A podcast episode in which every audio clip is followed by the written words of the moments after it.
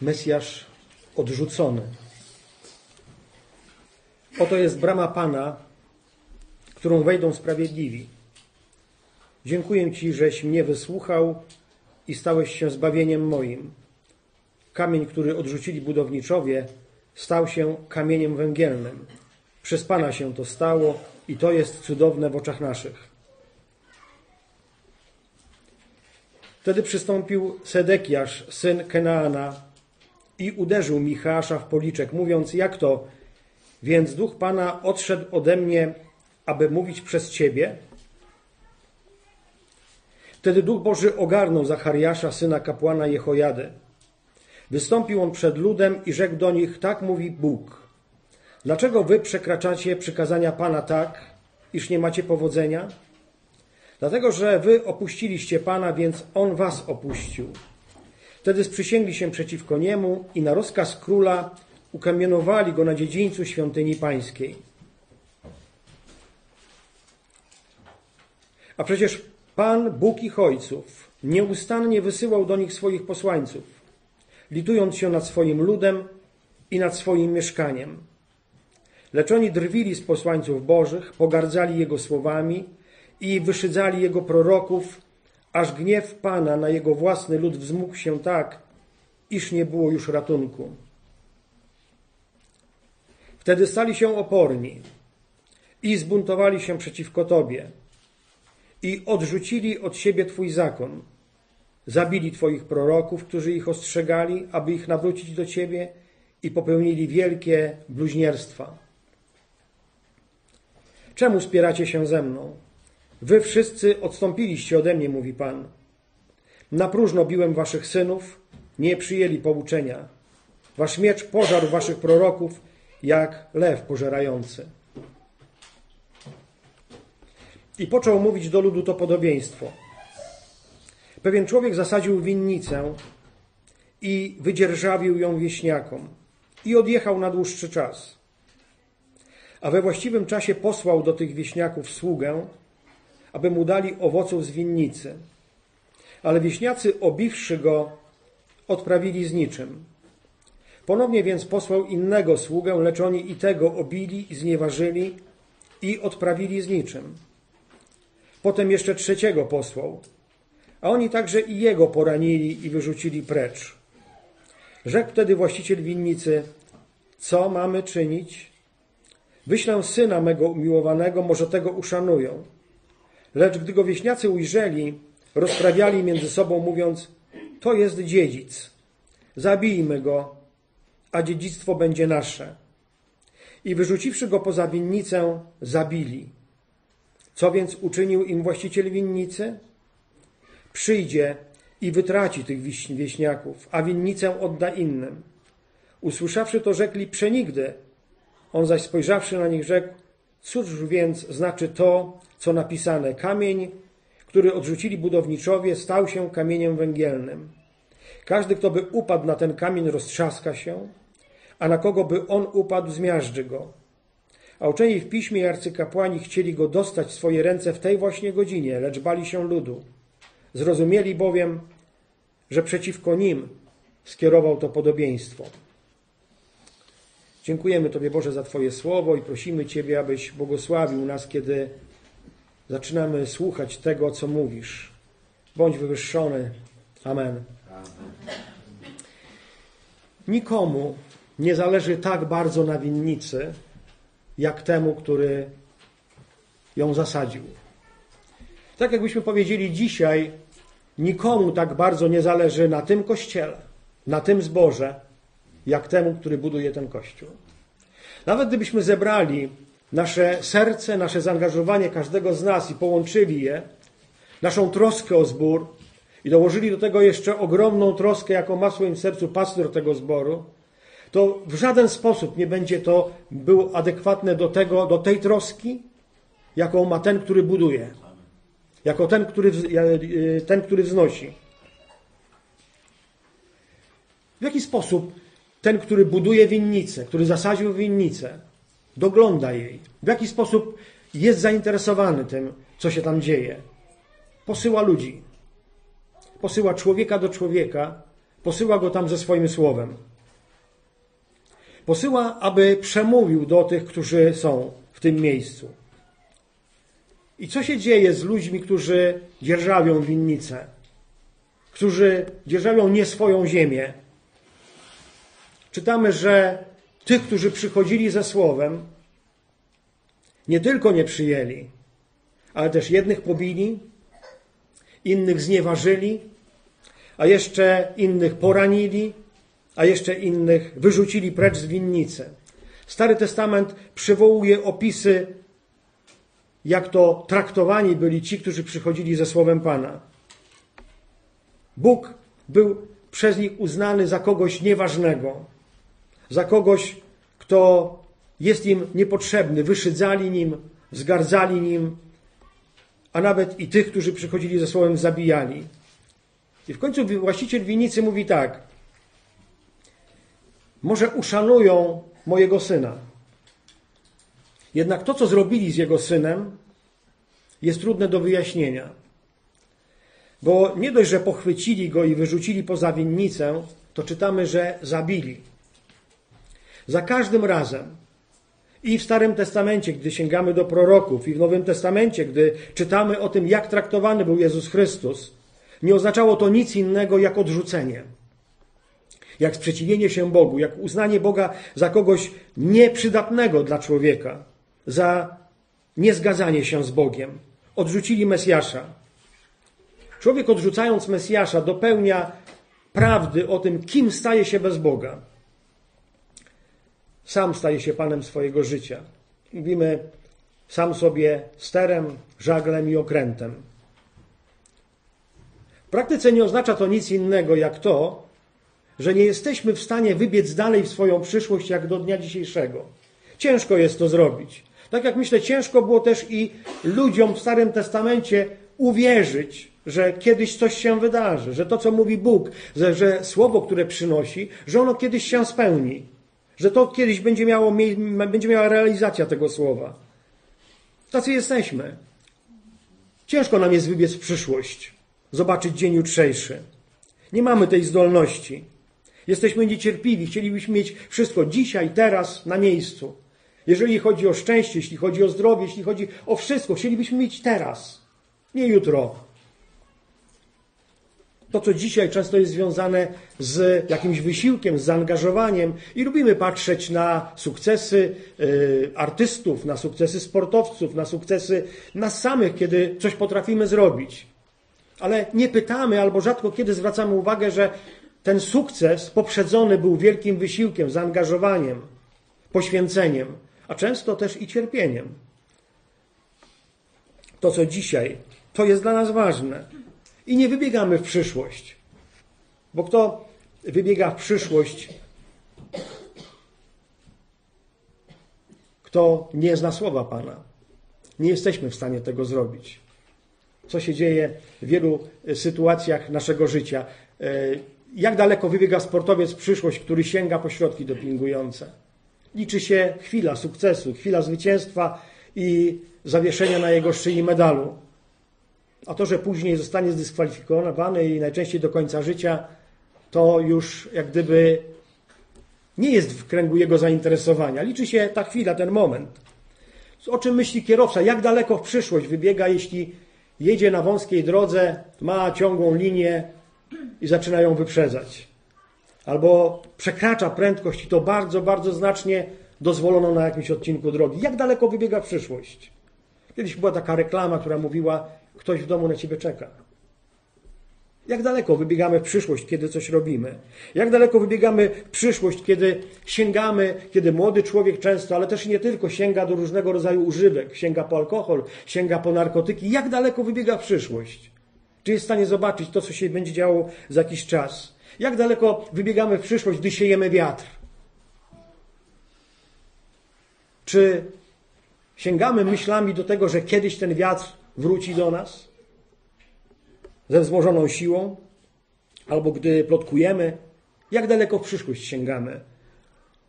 W 2015 roku miała miejsce premiera, e, światowa premiera filmu pod tytułem Szwedzka teoria wolności.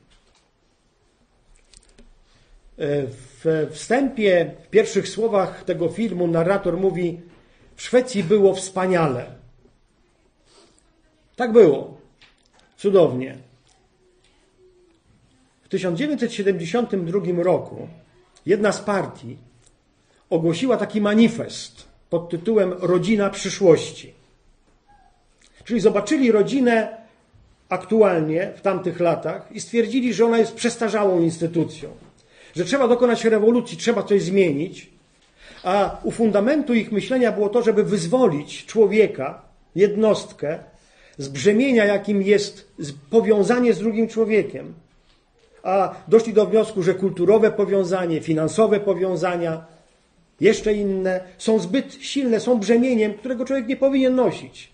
I podjęli takie działania, aby człowiek był wolny, aby kobieta była wolna od mężczyzny, aby dzieci były wolne od rodziców i też aby dorośli ludzie byli wolni od brzemienia opieki nad starszymi ludźmi, nad swoimi rodzicami. I te działania po 40 latach mniej więcej doprowadziły do bardzo dziwnej sytuacji. 40 lat do przodu. Kto jest w stanie tak daleko spojrzeć i pomyśleć, do czego doprowadzą dzisiejsze nasze czyny za 40 lat? To, co robimy, co planujemy, o czym myślimy. Tu jest część osób takich, które, które jak gdyby jest w okolicach 20 roku życia.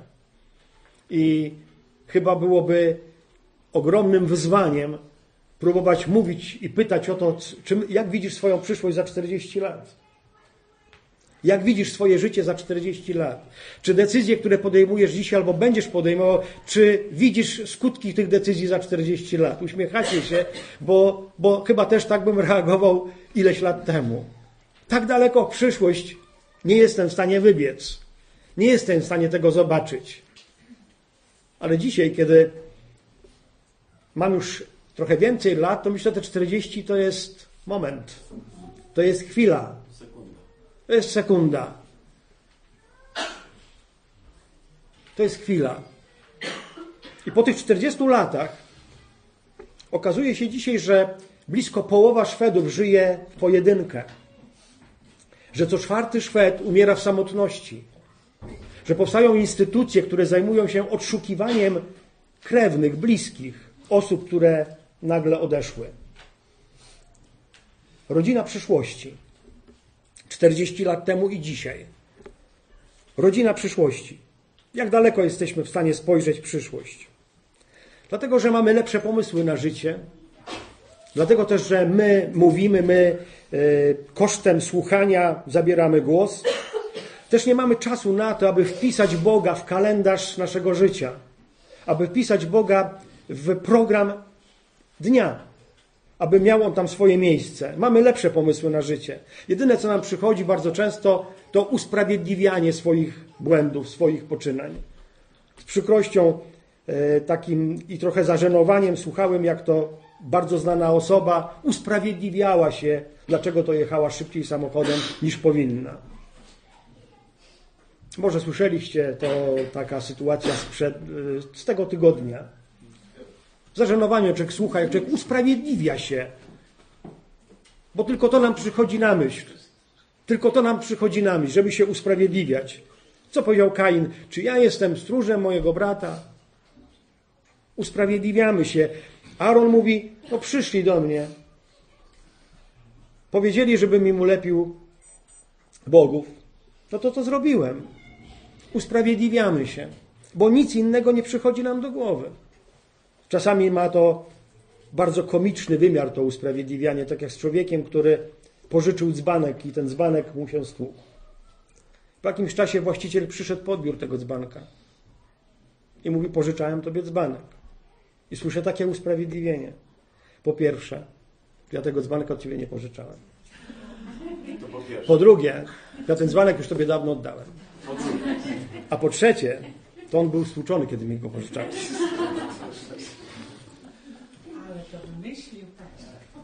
Bo takie są nasze usprawiedliwienia.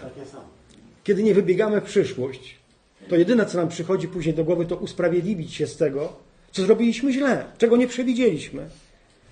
Odrzucony Mesjasz to ubóstwo duchowe.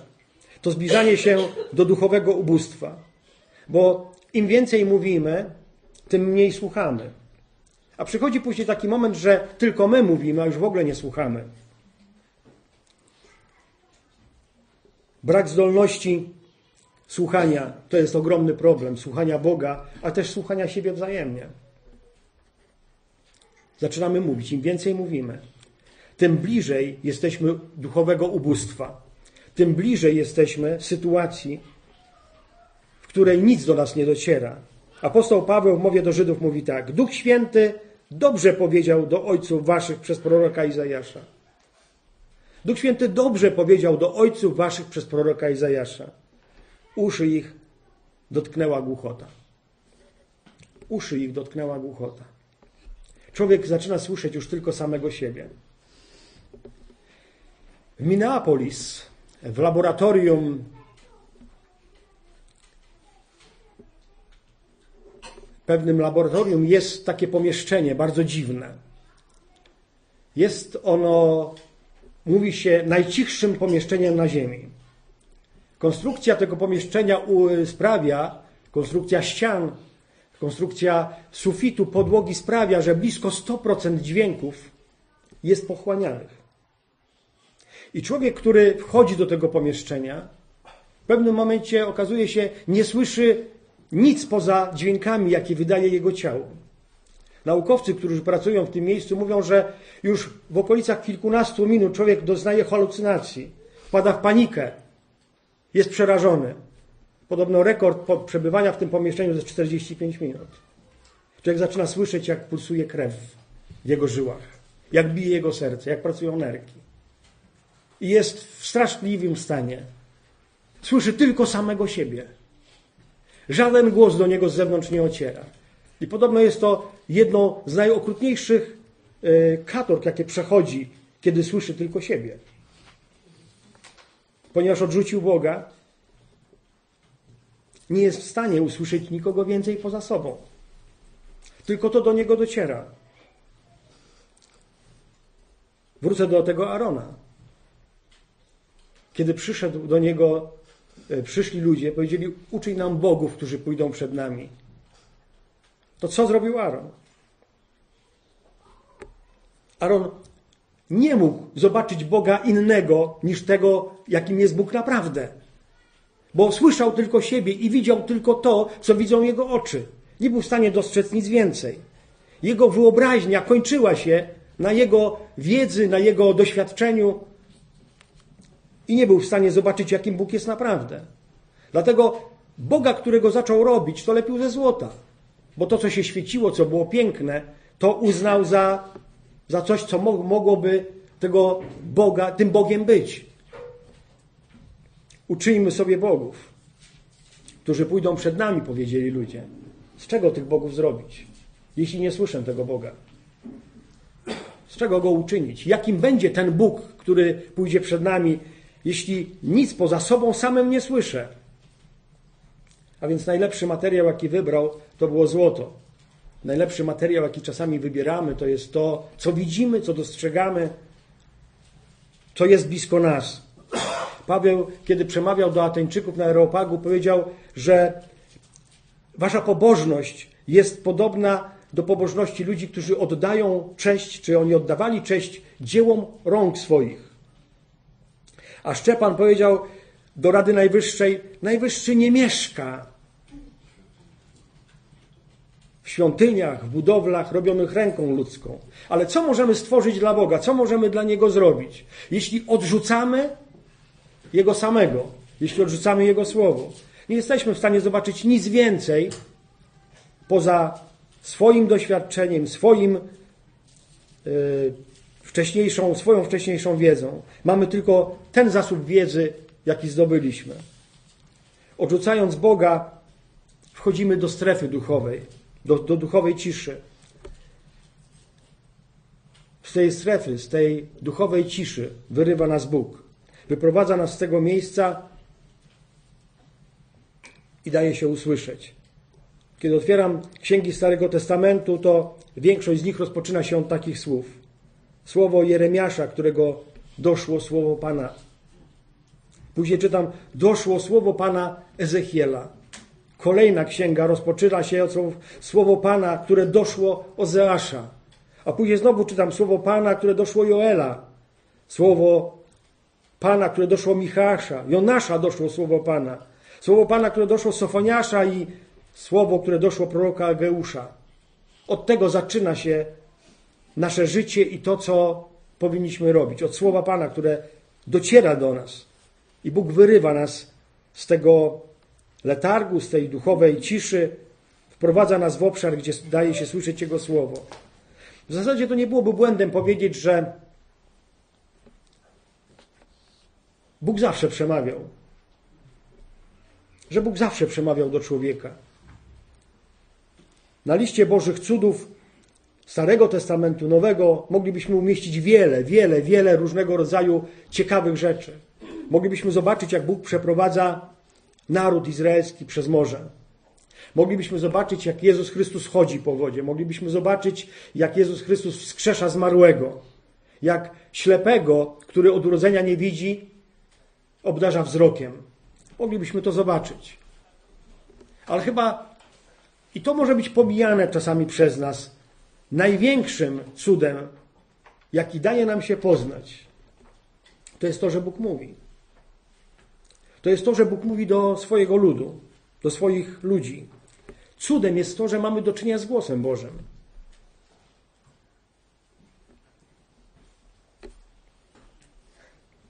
Kiedy człowiek doświadcza Boga mówiącego, to wychodzi z tego, co ograniczone, wychodzi z tego, co przyziemne i wchodzi w inny zupełnie obszar życia. W obszar życia takiego dostojnego, wyjątkowego, pełnego majestatu. Wiele rzeczy przestaje go dziwić.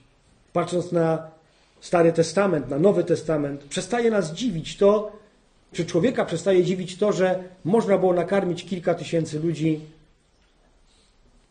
tylko pięcioma chlebami i dwoma rybami. Przestaje dziwić to, że można było człowieka, który od kilku lat dni leży w grobie, można go wywołać z tego miejsca. Przestaje to dziwić. Wielu ludzi dziwi ceremonią na dworze królewskim. I dziwi nas to, jak e, zachowują się członkowie rodzin królewskich całego świata. Dziwi nas to na przykład, że kiedy królowa kończy posiłek, królowa angielska, to wszyscy również kończą.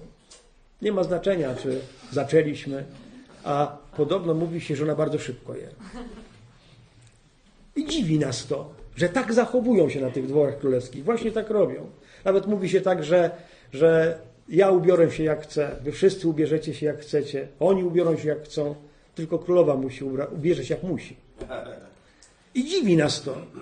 I czasami z ironią, z uśmiechem patrzymy na to, jak zachowują się w takim miejscu. Ale kiedy wchodzimy w tą strefę działania Boga, Boga przemawiającego, kiedy doświadczamy tej przyjemności właśnie królewskiej atmosfery, wzniosłości, to przestaje nas to dziwić. Nie dziwimy się tym, co Bóg robi, co czyni. Gdyby zastanowić się dzisiaj nad problemami, jakie nas dotykają, jako ludzkość, ale też indywidualnie, jako ludzkość, kataklizmy, które są zapowiadane, czy które, których ludzie doświadczają na świecie, terroryzm, jeszcze inne, czy nasze prywatne, może z pracą, może z sąsiadami, może ze zdrowiem. Gdyby popatrzeć na to wszystko, na te problemy, których, z którymi się musimy zmierzyć,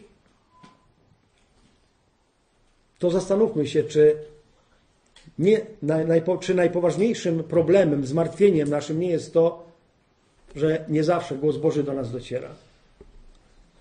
Czy nie jest to największe nasze zmartwienie, czy nie powinno to być nasze największe zmartwienie? Nie to, co się dzieje na zewnątrz, ale to, że to, co Bóg mówi przez swoje słowo, to, co mówił przez proroków, nie docierało do ludzi. Bo jeśli dzisiaj wspominamy Mesjasza cierpiącego i wspominamy Mesjasza odrzuconego, to dlatego, że nie usłuchali. Dlatego, że to słowo nie dotarło do nich.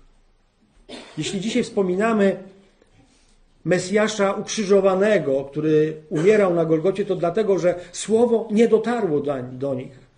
że posłał syna do winnicy, a oni nim zgardzili. Wyrzucili go poza winnicę i zabili. To słowo nie dotarło do nich. A więc to może być prawdziwym zmartwieniem i najważniejszą dzisiaj odpowiedzią naszą powinno być to, czy zachowam postawę otwartości, otwartego serca, czy postawę odrzucenia, odrzucenia Mesjasza. Bo odrzucony Mesjasz to odrzucone słowo. Słowo, które daje nam na każdy dzień, na każdą sytuację. Na to nabożeństwo, ale i na czas, kiedy nie jesteśmy na nabożeństwie. Daje nam słowo, kiedy mamy stół zastawiony jedzeniem i wtedy, kiedy brakuje, żeby na tym stole coś położyć. Mamy Boże Słowo. Kiedy weselimy się, kiedy się radujemy i wtedy, kiedy przychodzi czas smutku, mamy Słowo. To Słowo jest kierowane do nas. Kiedy jest dzień, ale kiedy też noc przychodzi Słowo Boże. Kiedy podajemy sobie ręce na powitanie, jest Słowo. Jest Słowo wtedy, kiedy tej ręki wyciągnąć nie chcemy. Kiedy pomagamy komuś i wtedy, kiedy odwracamy się. Jest Słowo. Ono jest na każdą okazję. Odrzucony Mesjasz to jest odrzucone Słowo. Napisał ewangelista Jan słowa Jezusa Chrystusa. Kto mną gardzi i nie przyjmuje słów moich, ma swego sędziego. Odrzucony Mesjasz to odrzucone Słowo. Ale odrzucony Mesjasz to też odrzucone szczęście, jakie możemy mieć w Bogu. Bo człowiekowi czasami wydaje się, że pochwycił, że ma, że widzi, że słyszy. A tak naprawdę to łapie pustkę. I chciałby tego szczęścia, ale nie udaje mu się go pochwycić. W roku 2011, stosunkowo niedawno, Organizacja Narodów Zjednoczonych wydała rezolucję, której, rezolucję, której powiedziała, że dążenie do szczęścia to jest fundamentalny cel człowieka. I później e, w ślad za rezolucją powstał e, tak zwany ranking najszczęśliwszych krajów na świecie. I od pewnego czasu można się dowiedzieć, że w dziesiątce najszczęśliwszych krajów na świecie to większość to są kraje z Europy. Moglibyśmy powiedzieć tak. Żyjemy na kontynencie ludzi szczęśliwych. I ponieważ dowiadujemy się o tym, to próbujemy złapać trochę, trochę tego szczęścia. Próbujemy tego szczęścia trochę wziąć dla siebie. Jak najlepiej to zrobić? Pojechać do tego kraju, gdzie żyją szczęśliwi ludzie. No bo to jest najprostsza rzecz. Jeżeli tam żyją szczęśliwi ludzie, to znaczy, że może tego część błogosławieństwa spocznie też i na mnie. I o dziwo, nie świat trąbi na alarm, ale władze tych państw trąbią na alarm, że coś się dzieje w naszych kraju, w naszych państwach nie tak. Tych tak zwanych najszczęśliwszych miejscach na świecie są problemy, którymi zmierzają się i nie są w stanie z nimi sobie poradzić. Mówiło się o tym, że e, pogoda, czy też krótki dzień, warunki pogodowe sprzyjają na przykład samobójstwom. I przypisywano im przyczynę, dlaczego ludzie często odbierają sobie życie, ci ludzie, którzy żyją na północy. Właśnie w tych tak zwanych szczęśliwych krajach. Ale już dzisiaj mówi się, że to nie jest ten prawdziwy powód. Że to nie jest ten właściwy powód tego, że ludzie, ludziom nie chce się żyć, chociaż żyją w kraju ludzi szczęśliwych, czy w kraju określanym jako najszczęśliwsze miejsce na świecie. Nie zawsze trawa zielona jest bardziej za płotem, ktoś powiedział. Odrzucony Mesjasz to odrzucone szczęście. Nie jesteśmy w stanie dostrzec tego szczęścia, które jest blisko. Tego szczęścia, które jest prawdziwym szczęściem. Próbujemy złapać, próbujemy e, to szczęście nazwać tak, jak świat je nazywa. Tymi kategoriami, tymi samymi słowami. Małgorzata Musierowicz to jest polska pisarka, autorka książek dla dzieci i dla młodzieży. W jednej z książek znana osoba, w jednej z książek napisała tak. Kobieta znalazła koniczynkę. Zawołała swojego męża, zawołała dzieci, zawołała przyjaciół. Wszyscy razem siedzieli całą noc. Podnieceni, zachęceni i oczekiwali, kiedy nadejdzie szczęście. ale nic się nie działo. Tylko drzewa szumiały, dziecko się śmiało i świecił księżyc. Nad ranem rozeszli się zawiedzeni, że szczęście nie przyszło. Chcielibyśmy Jezusa takiego, jakiego byśmy chcieli, właśnie działającego pośród nas, z mocą swoją. Moglibyśmy otworzyć dzieje apostolskie i zobaczyć i powiedzieć: Chcemy tego samego. Chcemy tego samego. Chcielibyśmy Jezusa, który przychodzi do nas na każde nasze zawołanie, na każde nasze skinienie. Chcielibyśmy kogoś takiego. Ale to nie jest prawdziwy obraz, czy pełen obraz Boga, bo pełen obraz to jest taki, że On przyszedł w jakimś określonym celu. Że Jezus przyszedł do nas, żeby rozprawić się z grzechem, żeby dać nam coś, czego nie mieliśmy, żeby zapewnić nam coś, czego nie byliśmy w stanie sami posiąść. Przyszedł do nas i zamiast chwały, która się Jemu należała, doznał odtrącenia. A zamiast modlitwy dziękczynnej, uwielbienia, doznał odrzucenia. Kamień węgielny, który odrzucili budowniczowie, stał się kamieniem węgielnym. I ten Bóg, który doznał odrzucenia w osobie Jezusa Chrystusa, swojego Syna, zebrał ludzi i dalej ich zbiera i buduje swój Kościół.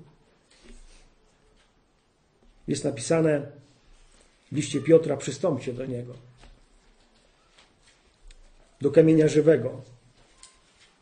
Przez ludzi wprawdzie odrzuconego. Nieuznanego za wartościowy, ale przez Boga wybrane, wybranego, wyjątkowego.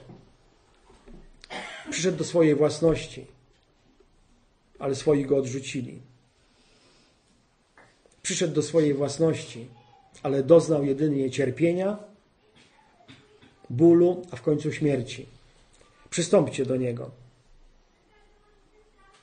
Chociaż On odwrócony, odrzucony, to jednak On nas nie odrzucił. Chociaż my od Niego się odwróciliśmy, to jednak On od nas się nie odwrócił.